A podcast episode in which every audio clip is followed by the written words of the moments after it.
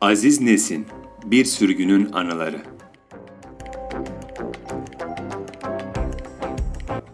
Bursa Ovası'na yavaştan bahar iniyor. İki sürgün arkadaşız.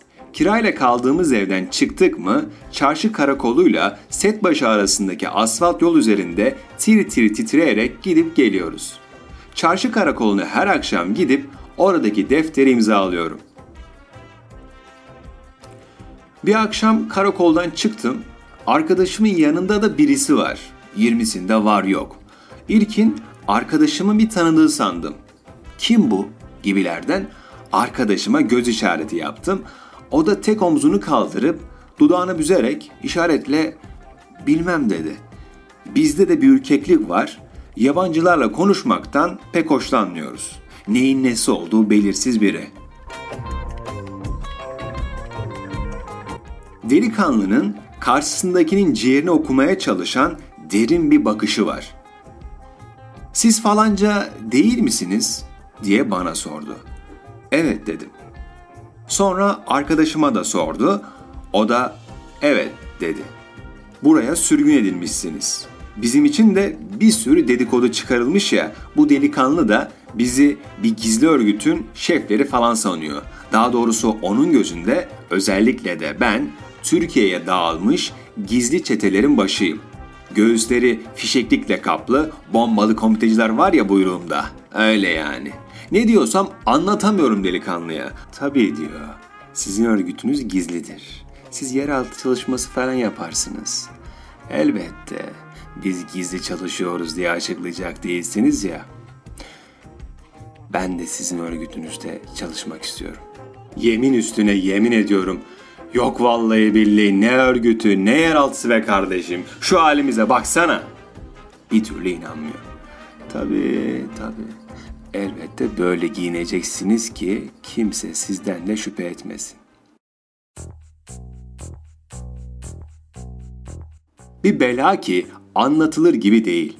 Sabah erkenden çat kapı geliyor. Biz de onun geldiği sırada ekmekleri çaya batırıp kahvaltı ediyoruz. Soruyor. Para alıyorsunuz değil mi? Ne parası? Dışarıdan diyorum. Para gelmiyor mu? Ne parası kardeşim? Canım gizli örgütü yönetmek için falan. Ne yediğimizi görmüyor musun? Parası olan böyle mi yer? Tabii. Tabii diyor. Böyle görüneceksiniz ki başkaları da anlamasın. Onu istemeyişimizin asıl nedeni başka. Söylemesi ayıp ama yine de söyleyelim. Bu delikanlı bizim yiyeceklerimize de ortak oluyor. Maşallah çok da iştahlı. Bizim dört günde yemek için ayırdığımız zeytini bir kahvaltıda silip süpürüyor. Günlerden bir gün İstanbul'dan biri geldi. Bir arkadaşımız bize onunla beraber bir paket yollamış. Paketi açtık ki Allah bir kızarmış tavuk, bir kutu kuru baklava. Biz iştahla bunlara bakarken kapı çalındı. Ben tavukla baklavayı toparlayıp dolaba saklarken ev sahibi kadın da kapıyı açtı. Oğlan merdivenden çıkıyor. Merhaba dedi. Merhaba dedik. Durdu, dikkatle baktı. Sizde bir şey var dedi. Ne var? Bir haliniz var bugün. Nedir? Yok vallahi bir şey. Var var. Benden saklıyorsunuz. Kör olayım yok. Siz bana güvenmiyorsunuz. Sizde bugün bir değişiklik var. Yok mok dedikse de yutmuyor. Benim aklım hep tavukla baklavada ağzımda sulanıp duruyor. Hay Allah ne etsek de oğlanı başımızdan savsak. Belki onuncu kez sizin benden sakladığınız bir şey var dedi.